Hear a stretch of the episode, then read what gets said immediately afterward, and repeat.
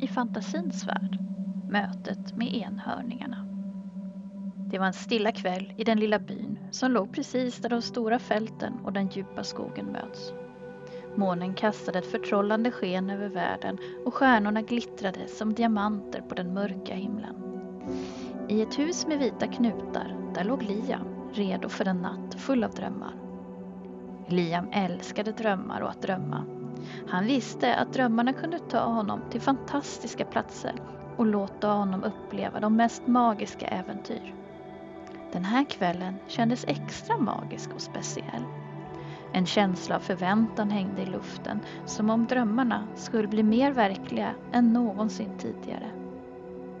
När Liam stängde sina ögon och började driva iväg mot drömmarnas land hörde han plötsligt ett svagt brus. Han slog upp ögonen och såg att sovrumsfönstret förvandlades till en gnistrande portal. Genom den såg han en värld full av färg, glitter och växtlighet. Försiktigt klev Liam närmare och närmare portalen tills han med tassande steg hade klivit igenom den. På andra sidan möttes han av en förtrollande syn. Ett ängslandskap täckt av blommor i alla regnbågens färger. Här sken solen och himlen var klarblå. Marken var ljummen mot hans bara fötter och mjuk som att gå på ett fluffigt moln. Liam vände sig om och såg sitt mörka sovrum på den andra sidan av portalen. Han fortsatte försiktigt gå några steg framåt. Sedan såg han dem, enhörningarna. Först på håll, sedan började några av dem komma närmare. Deras skimrande manar och horn glittrade i solljuset. Först kom en liten ponnyenhörning. Den var vit, men skimrande och glittrande. Manen var lång och precis som svansen regnbågsfärgad. Det var den vackraste ponny Liam någonsin hade sett. Hej, sa den. Jag heter Freja. Vi såg dig komma genom drömportalen. Ingen har varit här på så länge.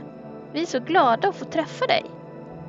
Sedan berättade Freja att Liam hade kommit till fantasins värld. Här lever alla djur, väsen och växter som människor kan drömma om eller fantisera om. Och ibland, för speciella barn, kunde portalen öppna sig och barnet kunde få utforska världen. Freja frågade Liam om han var rädd, men det var han inte. Han kände sig trygg och säker och Freja förklarade att det var riktigt. I fantasins värld kunde barn aldrig bli skadade. Freja frågade med ett milt leende, vill du leka Liam? Liam som älskar att leka svarade självklart ja. Freja log och drog fram en mjuk och glittrande boll från ett gömställe bland blommorna. Den glittrade som tusen diamanter och lyste upp ängen som en stjärna. Nu kom fler enhörningsbarn galopperande mot dem. Ja, ska ni leka glittrande hoppet får vi vara med.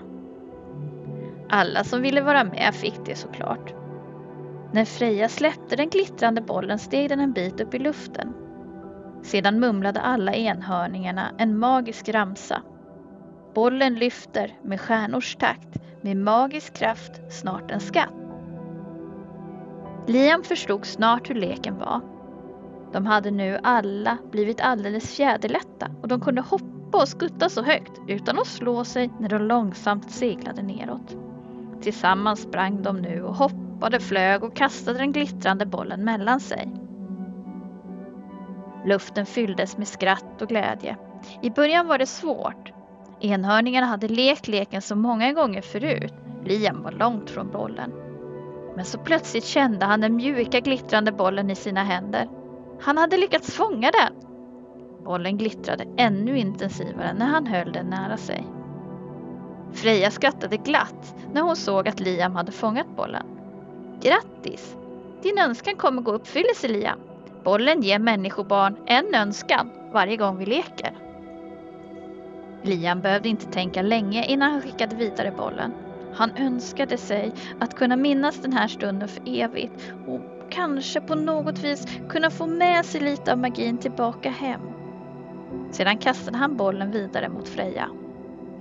Efter en stund började de bli trötta och den glittrande bollen fick rulla tillbaka in i sitt gömställe bland blommorna. Liam fick rida på Freja in i skogen fram till en glänta.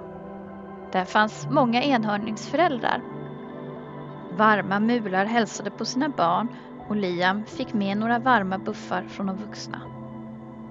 En stor picknick dukades upp. Skålar fyllda med sprakande regnbågsfrukt, varje frukt lika färgglad som enhörningarnas manar. Det fanns frukter som skiftade från skiraste rosa till djupaste lila och de smakade som en symfoni utav alla frukter. Det var en blandning av saftigaste äpple, sötaste päron, syrligaste apelsin och sprakande passionsfrukt. När du åt en av de magiska frukterna kunde du känna en smakexplosion som liksom tog dig till olika hörn av drömvärlden fyllda med skratt och glädje. Liam hade svårt att bestämma sig vilken som var godast. Men kanske var det den gröna som smakade av päron. I andra skålar låg bröd fyllda med potatis och grönsaker. De smakade så gott och var luftiga, nästan som sockervadd. När enhörningarna tuggade på dem hände något extraordinärt. Deras silkeslena manar började glittra och glimra och de nyste plötsligt fram gnistrande gnistor. Som om stjärnorna själva började dansa runt dem. Gnistorna steg upp som sprakande såpbubblor i luften. Varje gnista är ett litet konstverk av ljus och färg. De svävade omkring dem som en lekfull dans och skapade en förtrollande ljusshow som fick hela glänsan att lysa upp ännu mer. Sedan sprack bubblorna med små förtrollande poppande ljud som påminde om ett litet fnitter. Tiden gick så fort och Liam började känna sig trött efter alla äventyr. När Freja bar honom tillbaks mot portalen lutade han sig fram mot hennes skimrande man och vilade huvudet mot henne. Han somnade där, mot hennes varma kropp som rörde sig i den lugna takten mot portalen. När Liam vaknade igen var det morgon och han låg i sin säng igen. Först tänkte han att allt hade varit en dröm men sedan så såg han den lilla ädelstenen som låg vid huvudkuddens sida.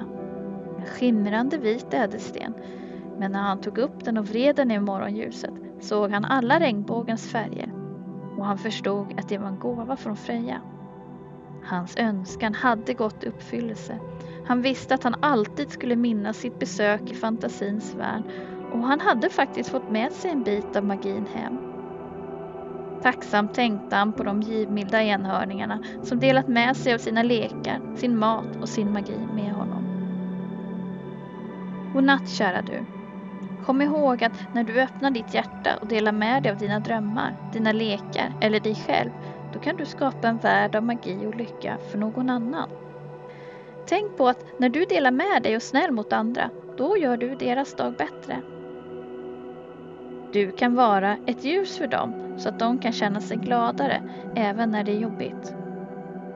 Låt din magi och fantasi lysa och låt den skänka ljus åt både dig och andra.